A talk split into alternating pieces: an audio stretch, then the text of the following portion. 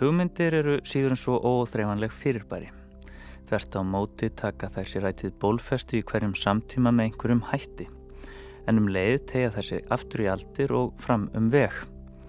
Í þessum þáttum hundrað ár dagur er meir sem engan veginn má líta á sem tæmandi umfjöllunum hugmyndir tengdar fullveldinu verða tilteknir hugmyndaströmmar fullveldisögunar raktir til fortíðar og framtíðar með hliðsjón af einum ákveðnum viðburði sem telja mátti margsum þær hugmyndir sem um ræðir. Ferðalega okkar í dag hefst 17. júni árið 1944 en í hverjum þætti er gengið út frá einni tiltekinni dagsetningu frá hverjum áratug fullveldisins þannig að í hver skipti færumst við fjær samtímanum og lengra aftur, eða væri rétt að segja fram, í áttu þeirra stundar er Ísland varð fullvaldaríki í konungssambandi við Danmörku. Ferðala okkar hefst sem fyrir segir 17. júni 1944 þá gerðist þetta. Líðveldi var stopnað á Íslandi í dag á fundi alþingis á Þingvöllum og Sveitn Björnsson kjörinn fyrsti fósetti þess. Um 25.000 manns voru viðstattir aðtöfnina sem þótti mjög hátíðleg þrátt fyrir mikla regningu. Það kom í hlut Gísla Sveinssonar fósetta saminnaðs alþingis að lýsa yfir stopnun líðveldisins. Þá er fundur settur í sameinuðu alþingi að lögbergi á þingvelli við Öksar á. Samkvæmt því sem nú hefur greint verið, lýsi ég yfir því að stjórnarskrá líðveldisins Íslands er gengin í gildi. Kirkjuklukkum var hringt um all land í tvær mínútur Þar á eftir var þögn í eina mínútu en síðan sungin þjóðsöngurinn. Stjórnaði Pál Ísólfsson stærsta kór sem sungið hefur á Íslandi og kallaði Pál hann þjóðkórin.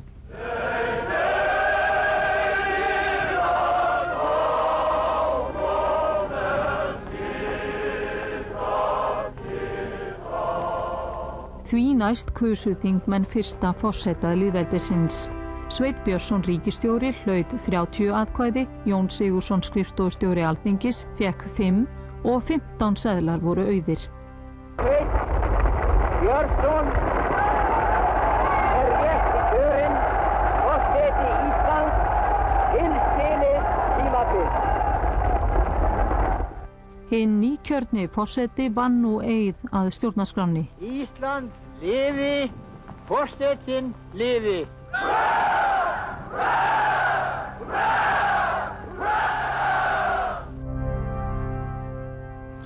Þann 17. júni 1944 var líðveldi stopnað á Þingvöldum. Sá þáttur sem nú hljómar er sjálfstætt framhald af þættinum Bananar 1, Bananar á Káranjúkum. þar sem fjallað var um stöðu Íslands á 20. stöld sem smáríki sem þarf að hafa sér allt við til að spórna gegn erlendum áhrifum. Í þeim þætti var fjallað um virkjanaframkvæmdir og stóriðju og hugtakið bananalíðveldi komið sögu. En það hefur gerna verið notað til að lýsa ríkjum sem illa geta spórnað við áhrifum erlendra aðila vegna smæðarsinnar eða veikrar stjórnskipunar. Þegar orð eins og bananalíðveldi er notað, vísar það vissulega til líðveldis stopnunarinnar. En það vísar jafnframt af að stert til ákveðinar heimskipunar þar sem stóru hlutar heimsins sem gerðnan er vísað til sem þriðja heimsins þjóna hagsmunum annara heimsluta sem hlýtur þá að vera fyrsti heimurinn. Staða Íslands í þessu stegveldi sem er í raun afsprengi nýlenduvæðingar heimsins hefur löngum verið óljós þó fáir efist sennilega um að Íslands í dag meðal velmegandi ríkja að minnstakost eins og sakir standa. Orð eins og nýlenda Hjálenda og dullenda eru stundum færið til bókar í tilraunum til að ramma inn stöðu Íslands í heiminum og í þessum þætti munum við rekja þessa þræði nánar.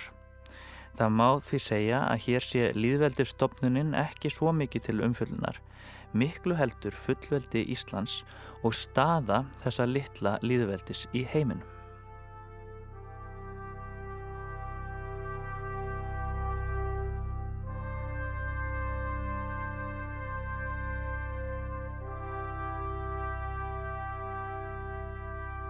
Ég held að það sé sjálf og sér engin munur á sjálfstæðu fullveldi. Fullveldi og sjálfstæðu eru bara tvö orðin í saman hlutin. Eh, fullveldi er svona meira lagalegt og lagatæklegt hugtak. Sjálfstæði meira svona menningalegt hugtak eða, eða politíst. Guðmundur Háldánarsson, sagfræðingur. Eh, en í hugum Íslandinga þá er eins og þetta séu tvö ólík hugtök og það tengist við að 1918 fengu við fullveldi og þá verður mann að segja hva, já, hvað fengu við þá 1944 og þá hugsa með það, já nú fengu við sjálfstæði frá þá eh, væntalega frá dönum, regnaði með, en, en það höfðu svo sem fengið 1918 þess að fáum er að við skerum alveg tengslinn við Dana, Dana konung og, og sem er enda konungur Íslands líka. Þannig að þessi hugtöku eru í eðli sínu náiður alveg það sama. En við notum þá kannski gætnan þetta sjálfstæðsvugtak til þess að, til þess að, að lýsa því sem gerist 1944. Og hvað gerist 1944? Eitt sem að gerist bara beinleins 17. júni 1944, Ísland var ju líðveldi, það er ljóst og, og við segjum upp danskan konungnum og, og við tökum utanriksstjónustunni í okkar hendur. En það sem hefur þetta verið að gerast á árunum fyrir 1944 og á árunum frá 1940-44 er það að það verður bylting á Íslandi, bæði menningarleg og efnarsleg bylting sem stafar af hernáminu og, og þeir í staðrinda hér eru 20.000 hermana í landinu. Sérstaklega eftir að bandrækjumenn komu þá, þá flæðir hér allt í peningum og allir hafa vinnu og, og það kemur ný tækni, það kemur ný menning, það kemur jazz og sem að svo sem hafa verið komin áður en, en kemur með fullum þunga. Þannig að, að, að landi hefur breyst alveg gríðarlega og, og þetta er raunverulega sumleiti er þetta, þetta fórsida þess að við gátum orðið fullkomlega sjálfstæð og treystum okkur til þess að, að segja dönum upp en einnig er þetta líka líka þá svona má segja að Ísland svona hleypur eða stekkur inn í, inn í nútíman á, á, þessu, á þessum örfa á árum. Já, nú eru flestir kannski sammálum það að, að staða Íslands í danska konungsörginu var nokkuð óljós. Kristinn Skram, þjóðfræðingur. Meiri segja á þeim tímum þegar við lýsum yfir sjálfstæði og uh, höfum þá gengið í gegnum langt ferli uh, það sem nánast allar mögulegar tengingar okkar við konungsríkið eru skoðaðar. Erum við eh, eitthvað skonar bíland eða eitthvað skonar prófans. Um, jafnvel einhverjir uh, innan Danmörkur uh, sá okkur sem nýlendu, reyna nýlendu þó að sé erfitt að bera okkur saman við nýlendur annar staðar í heiminum en ef við gefum okkur þetta að, að, að það ríkti svona óvisa um stöð okkar uh, þá og hvernig bæra líti á Ísland að, að það getur rétt ímynda hvernig það hefur síðan uh, breyst í hugum fólks síðan þá og fram í nútíman. Og þetta síðan heldur að mörguleiti áfram vegna þess að við erum jú áfram mjög mikilvægt svæði inn, inn í kaldastriðinu og það sem er svona kannski kaldhænislegt við þetta er það að við svona í okkar sögu vitund að þá þá er svona, þá er sett alltaf sama sem merkja myndli fullveldis og velmegunar og, og svona framfara og, og þessara blómgunar sem að, að Íslandingar telja af orði. E, það að við byrjum að taka okkur fram að því tökum málunni okkar hendur. En Ísland tekur aldrei einn stórstígum framförum eins og akkurat á því stufta tímanpili sem Ísland er raunulegur hæl elendra, elendra ja, stjórnenda. Að því að þráttur að Danir væru hér yfirstjórnendur þá, þá var svona mark þeirra á Ísland svona freka lítið að þeir voru bara seifallega langt í burtu.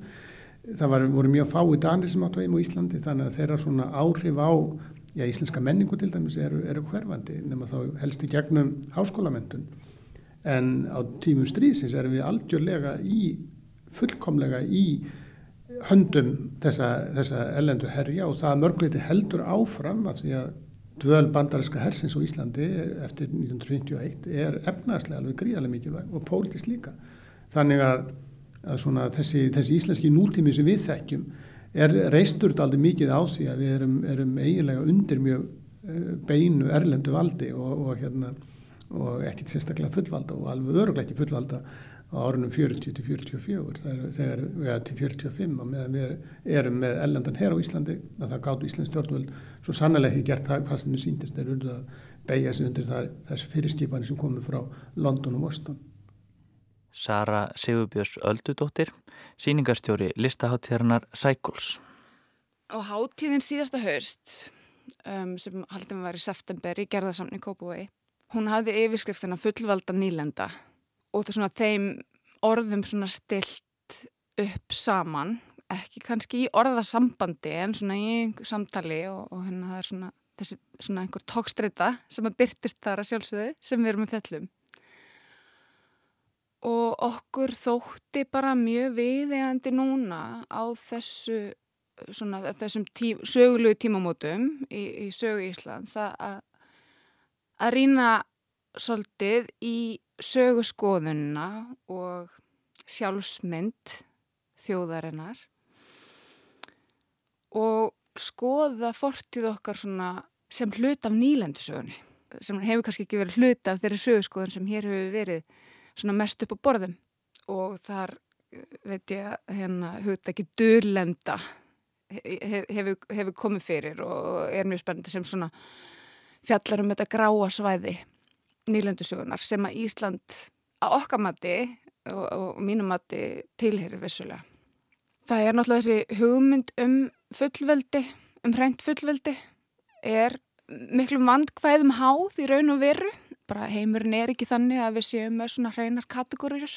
Og já, þetta við vildum svona stilla þessum hugtökum upp saman til að opna á það og, og, og afbyggja svolítið hvernig við höfum byggt upp okkar svona í raun og veru bara sögurskoðun.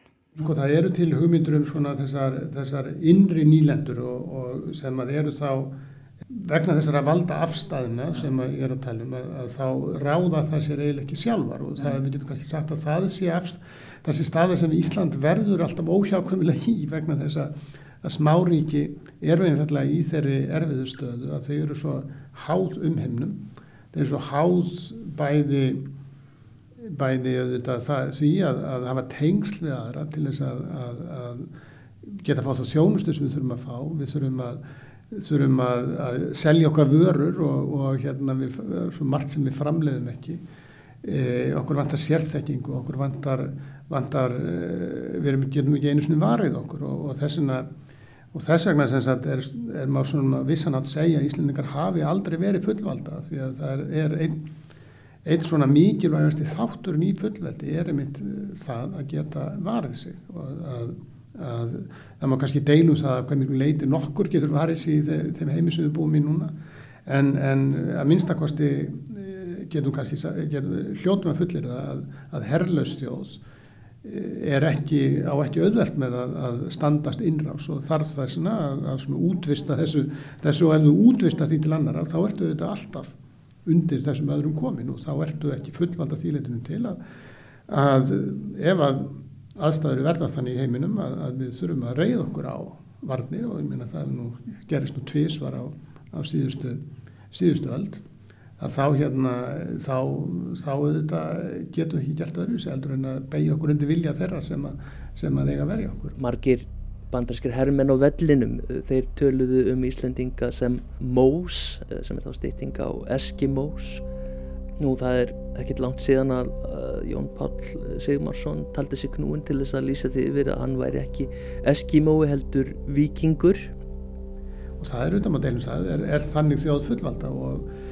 en síðan auðvitað eru menn líka deilum það hvort að nokkur þjóð getur verið fullvalda í, í nútímanum að, að, að það er orðin svo orðin svo þjettriði net tengsla að, að, hérna, að það er allir auðvitað háður öðrum og, og, og því minni sem þú ert því háðari verður öðrum. Því meira þarf þú að sækja og því minna getur þú að gefa móti og því auðvöldar er að gleima þér. Og það er líka það sem að smáþjóðanar er að berjast við og Íslendingar svo sem til dæmis ef við lítum bara Norrlandarsamstarf þá sjáum við hvað svo oft við gleymumst einfallega vegna þess að, að hinnum finnst ekki taka því að minnast á Íslendinga því að við erum svo lítið peð í þessum, þessum leik og, og það eru þetta er svona vandi smáþjóðarinnar í þessu, þessu, þessum heimi sem við lifum í. Bara þessi stuttu tími sem ég hef tekið þátt í þessu og fylgst með sem er eiginlega svona síðan 2006-07 Ann-Sofí Grimó, listfræðingur það finnst mér hafa verið mikla breytingar. Þegar ég byrjaði að spyrja svona um í háskóla samfélagi og, og bara á Íslandi almennt eh, um svona hugtæk eins og uh, nýlenda, nýlandafræði, post-colonial studies og eitthvað svona. Þá fannst mörgum þetta ekki við eiganlegt sambandi við að skoða svona samband Íslands við andra ríkja og, og heldur ekkert sérstaklega spennandi. Ég komi til um að gera doktorsritgerðum hvernig hugmyndir um Íslands þjóðæfni og samfélag og náttúru koma, koma fram í íslenskir og danski listir. Og þá notaði ég fyrst hugtakið nýlenda og síðan dúlenda og ég man í byrjunin var fannst mörgum þetta ekki svo relevant eða svona ekki sérstaklega viðeigandi en svo hitt ég fleiri og fleiri sem finnst þetta nú vera samt gefandi á einhvern hátt. Sko, ég, það sem ég, og ástæðan fyrir því að ég fer svona varlegi að tala um Íslands í nýlendu er það að, að e, þetta hugtak er svo óðbóstlega hlaðið merkingu og, og, og það snýr svo óðbóstlega skýrt og beint að því, því e, þeirri fyrirlitningu og þeirri svona þeirri, já, því kynþátt að fordómum sem að snúa að íbúum Afríku sérstaklega Eh, sem að hafa algjörlega markað e, þessi lönd bæði fyrir og síðar sem hafa kiftu algjörlega fótonum undan þeirra, þeirra lífi ekki bara meðan þeir voru nýlendur heldur síðan þá. Það var, það var, þessi lönd eru ennþá í rúst og ef við lítum í Ísland þá er það alls ekki þannig að, að við komum út úr þessu raunverulega sem, eh, sem já, sterkar heldur voru fyrir. Og vissulega getum við sagt að það hefur verið arránatölum eh, tímum dana en það var samt sem áður ekkit meira og jafnvel minna heldur en arrán á danskum bændum til dæmis. Eh, skattir á íslensku bændum voru mjög litlir. Og ef að íslenski bændur voru arrændir þá var það fyrst og finnst af íslenskum landegundum þannig að, þannig að ég, þess vegna vil ég fara valega þetta því að, að þetta er dálítið mikið þá erum við svona erum við að einhvern veginn að, að bera okkur saman við aðra þjóði sem að hafa virkilega fengu feng að finna illa, fóru illa út úr þessu öllu saman. Danir hafa átt og sem er segja eiga einhver liti nýlendur og svona hluti, mjög áhugaverð hluti þeirra rannsóna sem, sem að ég fór í kringum þetta verkefni var að kynna mér sögu sem að nú heita bandarísku jónfrúðaregarnar og voru áður dönsku vestur indjar, eigir St. Croix og St. John og svona komast að því að Danir stunduði mikla þrælasölu og voru sjönda stærsta þrælasölu þjóðin.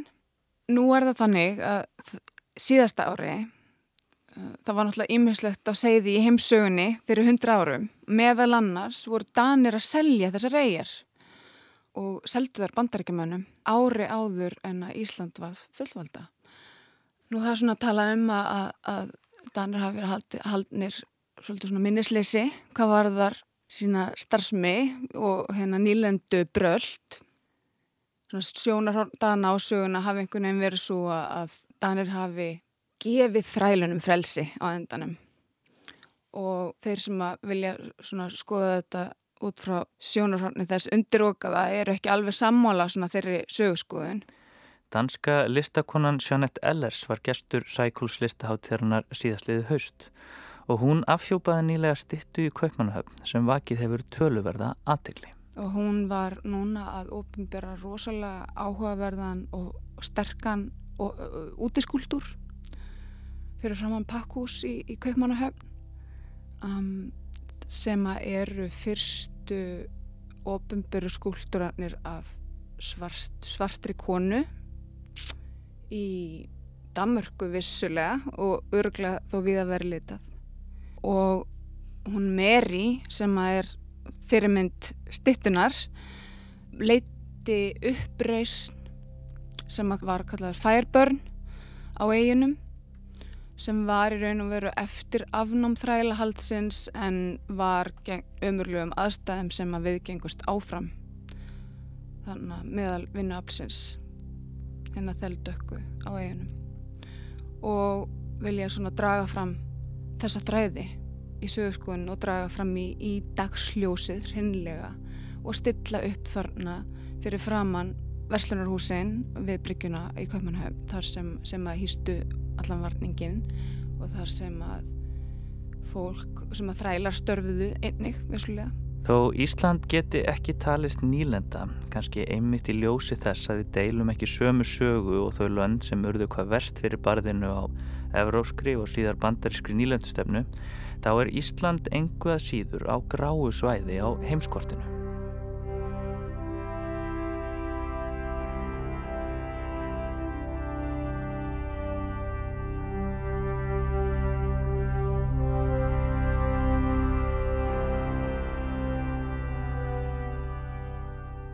Allar þessi, þessi hugtök og þau, þau geta hjálpað en þau geta líka rugglað og, og til dæmis þetta hjálenda, nýlenda, það er ekki eitthvað sem að trubla mín eitt sérstaklega og ég, eh, og þegar Jón Sigursson til dæmis er að, er að ræða þessi mál og þá, þá er hann um alveg jafn ítla við það að Íslands er kallað hjálenda eins og, eins og nýlenda. Hjálenda finnst hann líka að vera algjört orð sem hann hefur engan áhuga að, að, að nota.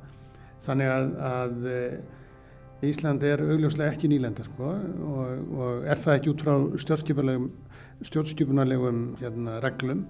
Og Dani líti ekki á Ísland sem nýlendur sko og, og, og það eru þetta bara einfallega vegna þess að Ísland er í sjálf sér í alveg sömu stöðu eins og, eins og flest jæðarsvæði Evrópa á þessum tíma eins og Bretanska í Fraklandi eða Norður Svíþjóð eða Finnland, eh, Norður Noregur svæði sem eru utan svona þessa, þessa, þessar alfara leiðar og svæði sem er kannski ekki hægt að fá neitt mikið, óskaplega mikið út úr, það er ekkert svona eftir miklu að slæjast. Svona þegar þessi nýlendu stefna byrjar að fullu og alvöru sko og það er ekkert fyrir ná 19. öldinni sem að þessi nýlendu stefna sem við þekkjum sem að svona eiginlega leggur stóra hluti heimsins í rúst. Það er svona 18. og 19. Fyrir, aldar fyrirbæri, það byrjar nú kannski í Ameríku fyrr sko en, en, en það er svona aðeins öðruvísi að því nýlendu stefna þýtti það að menn settu stað Þetta kemur orðinu kolonus, það er maður sem að sagt, er bondi og, og hérna er að rækta nýtt land. Þannig að, að þessum tala, tala bandarækjumenn, það eru 13 nýlendunar sko, en á 19. aldinu breytist þetta allt saman. Og það er einmitt þá tími sem að Íslandingar byrja þá að berjast fyrir sínu sjálfstæði eða, og þeir Íslandingar gera það algjörlega á forsendum, eh, á þessum evrósku forsendum, að, alveg samfærum það að þessu evrópabúar. En á sama tíma þá er svona það sem gera verkum að það er mjög, mjög eh, auðvelt að nota sko, þessar postkolónial, þessar eftirlendu fræði til þess að skoða stöð Íslands er það að mörgleiti hefur Íslands sann sem áður stöðu nýlendun, ekkert endilega eitthvað Danmark heldur í svona þessari ímynda sköpun eh, Evrópa þessum tíma því Íslandingar þykja aftalega á merinni, þeir eru skítugir, þeir eru illamentaðir, þeir eru skrítnir og þeir eru latir og þeir eru öll þessi lýsingar sem eru notuð yfir hérna yfir gæna nýlendubóa og þessna verður svo mikið, mikið keppikepli hjá Íslandingum að draga landamarinn á milli Evrópu og hinna réttu megin við Ísland. Fleiri sem hafa svolítið reynd að má út uh, þessi skýru mörg þriðja heimsins, það er að segja nýlendunar og, og hinn sjálfstæði vestranríkis eru Michael Hertzfeld um, sem þeim Skriklandi og Tælandi sem, sem dullöndum eða, eða kryptokoloni þar sem um, ríkin eiga vissulega sjálfstæði í, í ósins fyrstu merkingu en eru svo háðir um, nágrunum sínum eða, eða uh, stórþjóðum að þeir þurfa með einhverjum hætti að búa til mjög einhliða mynda þjóðmenningu sínu sem þeir svo performera uh, gagvart öðrum og er í rauninni einhvers konar stuðari á, á, á milli hins vestræna heims og, og síðan uh, þess sem er handan og það, það sem er handan í hugum fólks er þá oft barbarið með einhverjum hætti. Kanski má leika sér að því að, að setja Íslandi í, í þetta mót líka, þetta mót dullendunar.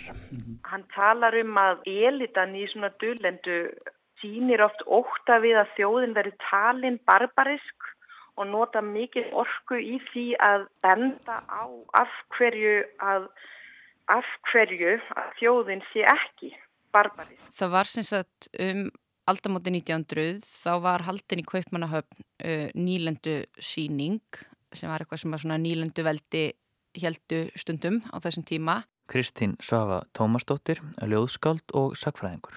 Og þar var verið að sína bæði fólk og gripi úr nýlendum dana viðsvegar áttur náttúrulega nýlendur eins og til dæmis í Karabíska hafinu og í Norður Allandshafi og íslenskir stúdendar í Kaupmannahöfn mótmæltu í rauninni því að Ísland ætti að vera þarna með.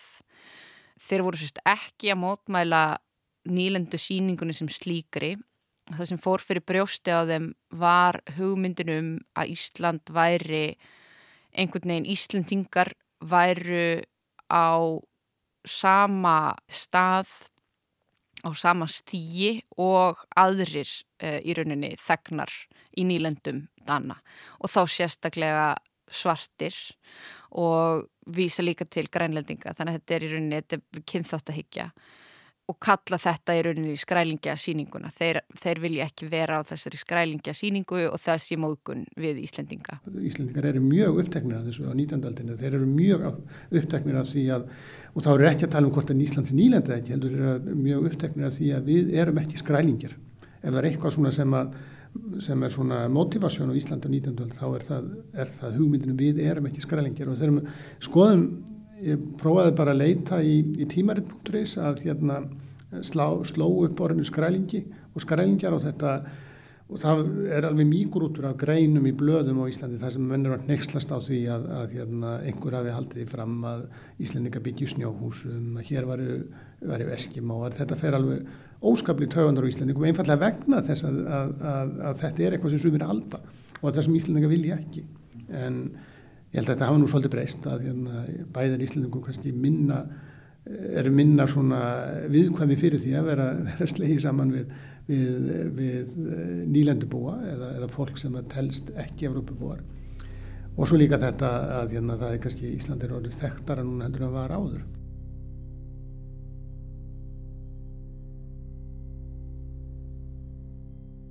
Í, í gegnum árhundruðin að var samband við Grænlandu þetta mjög lítið.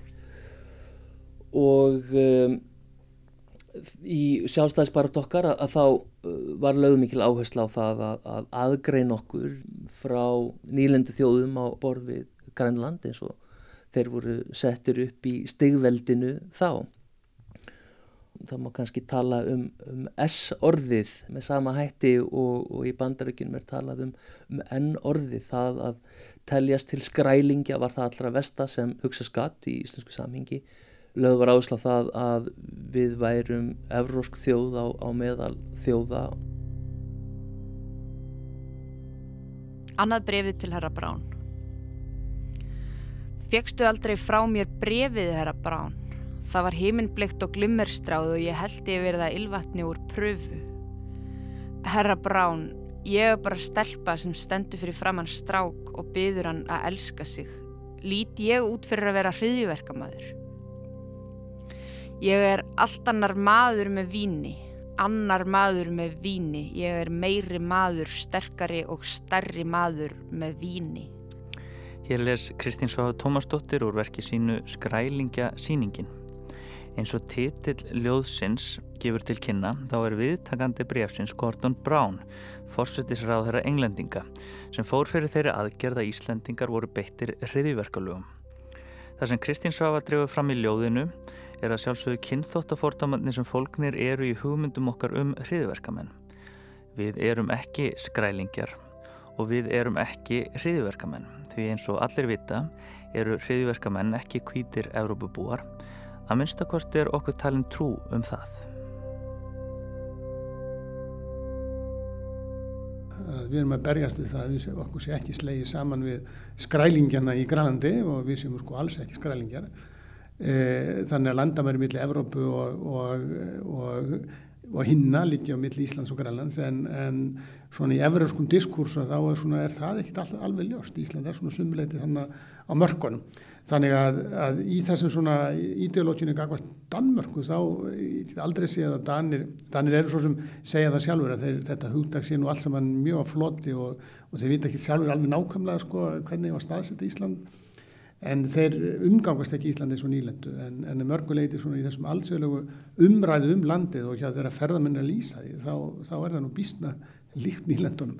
Þannig að þetta er svona, þetta er svona Ísland er þannig mitt á milli getur kannski sagt þetta er eitthvað sem að mér finnst rosa magnað og kannski kallast á við alls konar hluti í íslenskri sögu síðan þó að skrælingja síningar tilheri kannski sem slíkar fortíðinni til. Þetta er svolítið svona eftirgóðari svo eftir hrunspælingar líka. Því þetta er eitthvað að mér fannst þetta kallast svo mikið á við bara þessa klassísku glímu Íslendinga vera þjóð meðal þjóða. Það er þessi svona sterk í þjóðurnis dráttur í íslenskri svona pólitískri orðræðu sem að beinist að því að einn raukstuða hvað Íslendingar séu í rauninni frábærir og, og samaskapi aðgreina sig frá þeim. Það er einhvern veginn þetta, það er eins og það sé oft fólki finnist ekki hægt að slíta þetta frá því að sko skilja sig frá þeim sem eru óæðri eða ekki að merkilegir. Þannig að þessi glíma sem að kemur í gegn hann í skrælingja síningunni í Kaupanahöfn, þessi glíma einhvern veginn við að sanna sig, við að sanna sitt gildi og, og sjálfstæði en, en það sem það þýðir er í rauninni að Íslendingar að reyna að taka sér stað meðal hinn að kvítu síðmentuðu Vesturlanda. Veist, þetta er mjög ákveðin hugmynd um það hvar í flokki þú ert sem svona gild þjóð. Og samaskapi vitandi það að Ísland er oft flokkað utan þess, það er gert framandi og einhvern veginn, já, flokkað með frumstæðari þjóðum.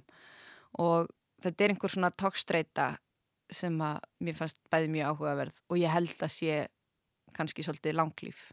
Það sem ég hef verið að skoða í samstarfi við Köllu Kjartansdóttur og, og aðra Uh, með hvaða hætti uh, Íslendingar líta á sig í sögu og samtíð gagvart uh, Danska konusríkinu.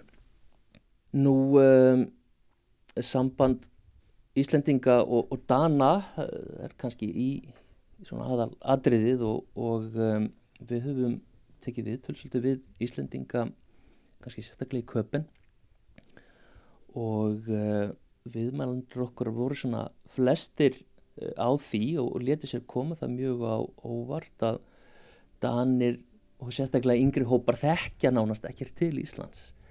Sumir viðmælendur okkar nefndur reyndar þetta þekkingaleysi sem eitthvað sem kemur bara ágjörlega að fyrir vikið vekti þjóðurni Íslandinga bara forvitni og, og áhuga og mörgum dönum þætti Uh, Íslendingar þá vera bæði framandi og spennandi. Það verður svona ákveðin í ákveðinni Græðkin, metorðagirndin öfundsíkin brjálæðislega eru ekki eiginleikar sem eru mér eiginleir Hrókin, lígin undirferlið, sjálfselskan nei.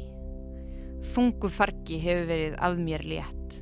Nú get ég loksinn sínt mitt rétta andlit Nú get ég loksins sínt mitt blíða, friðsæla og næjusama andlit. Stundum eru augun í mér svo blá að þau skjelfa mig í speklinum.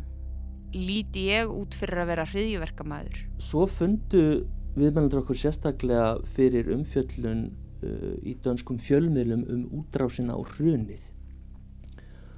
Og uh, þar gæti náttúrulega bæði samúðar en margir viðmældur okkar nefndu sérstaklega svona ákveðna yfirlætislega neikvæðinni og, og það er eitthvað sem átti svona greina í daglegum samskiptum Íslendinga og Dana. Og í mörgum frásögnum átti greina svona kannski ákveðna ákveðið myndlibils ástand þar sem að viðmælendur vissu svona varla hvernig ætti að tólka hverstagsleg samskipti. Og í mörgum þessum frásögnum að þá fléttast einmitt uh, svona meint nýlendu samband uh, saman við hverstagslega samræður við Dani um útrásina og hrunið.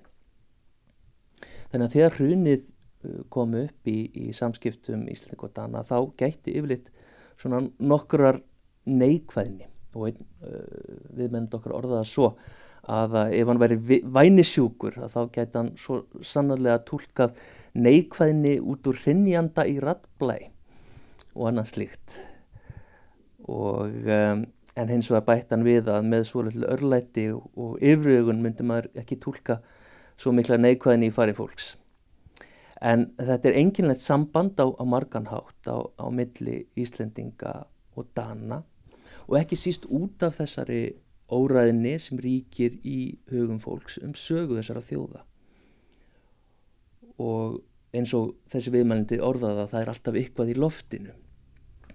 Það ríkir sem sagt uh, óvissa um hvernig byrja að tólka söguna.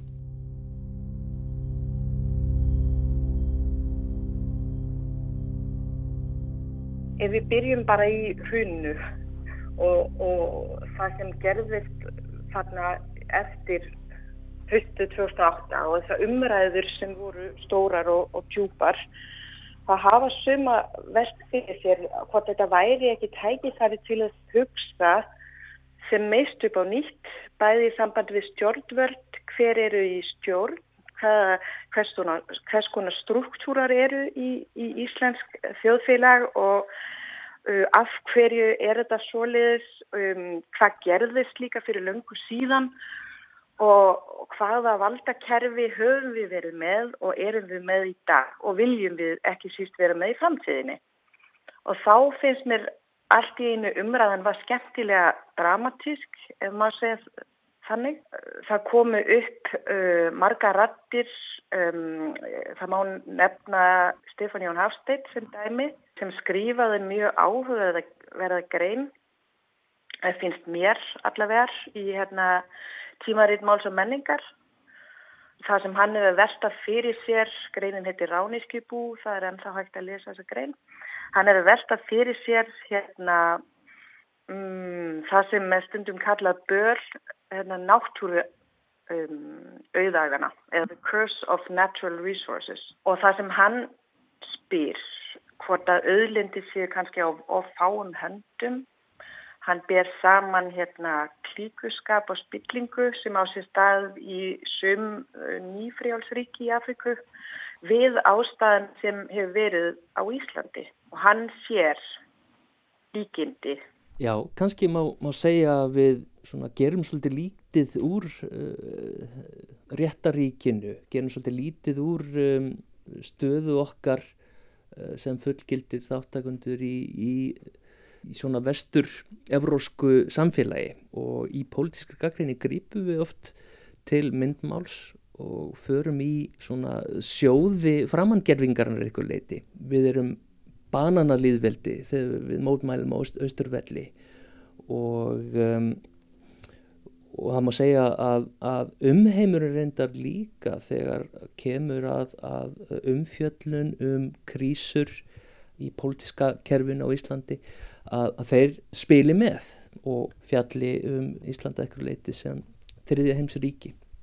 Sko þetta hugtak bananaliðveldi það er vissulega mjög áhugavert og, og, og, hérna, og þetta það er einhver undirtón í því sem er svona svolítið rasískur í raun og veru að því að maður tengir ju banana svona við söðrið og þar af leiðandi brónt fólk og þetta er að vissulega þáttur nýlendusögunar sem að er æbandi og er eitthvað sem að er mjög áhugavert að beina sjónu sinum að þegar maður er að staðsetja Ísland enn þessar sögu og svona hvað er, hvað er nöðslegt að horfast í augvið en vissulega er það fjalla um í þessu hugtæki svona áhrif erlendra utanaðkomandi afla í þessu tilviki auðmanns í raun og veru, stórfyrirtækja og, og svona vald stórfyrirtækja gafnvart smáum eða veikum löndum og vanþróað líðræði í raun og veru. Og Stefan Jón er einn af þeim sem hefur talað um að rætur hundsins kannski líka svolítið djúft og líka að hunnið hefur verið óumflíjanlegt vegna þessu struktúra sem með kannski bera saman við nýfrjálsríki mhm. fyrirverandi nýlendu.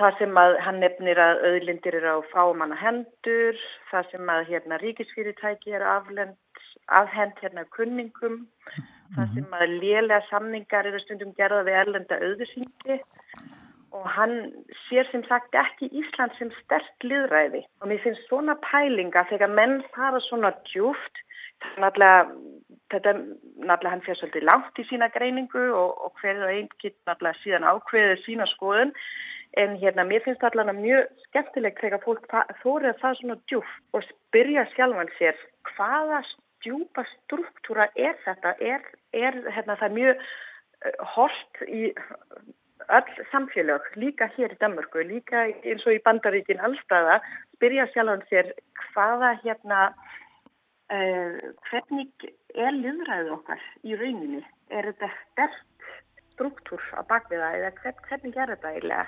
Þú ert kallinn, herra Brán. Ég er bara fórnarlamp þessara aðstæðina, þessara erfiðu aðstæðina. Ég er bara möppudýr í ríki ylskunar. Ég hef mjög þroskað að sína á þið borgarlega samfélag og ég segi, er engin að hugsa um börnin? Villudýrin á mörkinni, þau grimmu leónin og hinnar olmu byrnur vanrækja ekki sitt fóstur. En þú, herra Brán, það er nú eitthvað annað. Látum ekki börnin andaða sér tópaksreik, látum þau ekki andaða sér þrúandi andrumslofti skrælingja síningarinnar. Líta þau út fyrir að vera hriðiverkamenn. Ég hef mjög þroskaða sín á þjóðar líkamann og ég er ansið hrættum að oft þurfi að ambútera við auksl. Látum ekki börnin andaða sér tópaksreik, vísum þeim ekki til sætis með misindismönnunum.